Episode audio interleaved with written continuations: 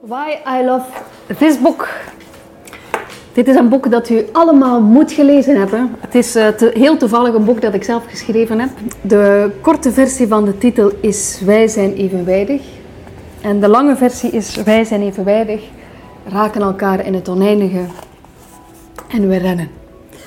Het is een boekje dat bestaat uit 200 kleine blokjes die je kan lezen als korte gedichten Um, maar je kan ze ook lezen als één lang onsamenhangend verhaal.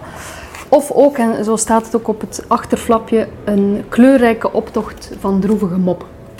Ik moet u wel waarschuwen dat de kans groot is dat als u eh, het boekje leest, u zult verdwalen.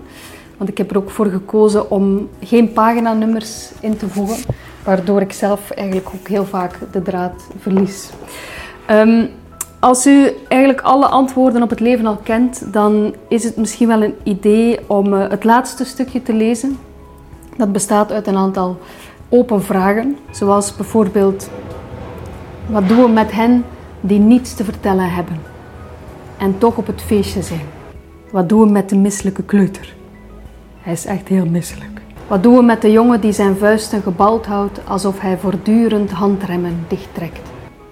Wat doen we met de vrouw die plots achter mij staat, haar handen over mijn ogen legt en zegt: Je kent mij van ergens. Hij mag kiezen van waar.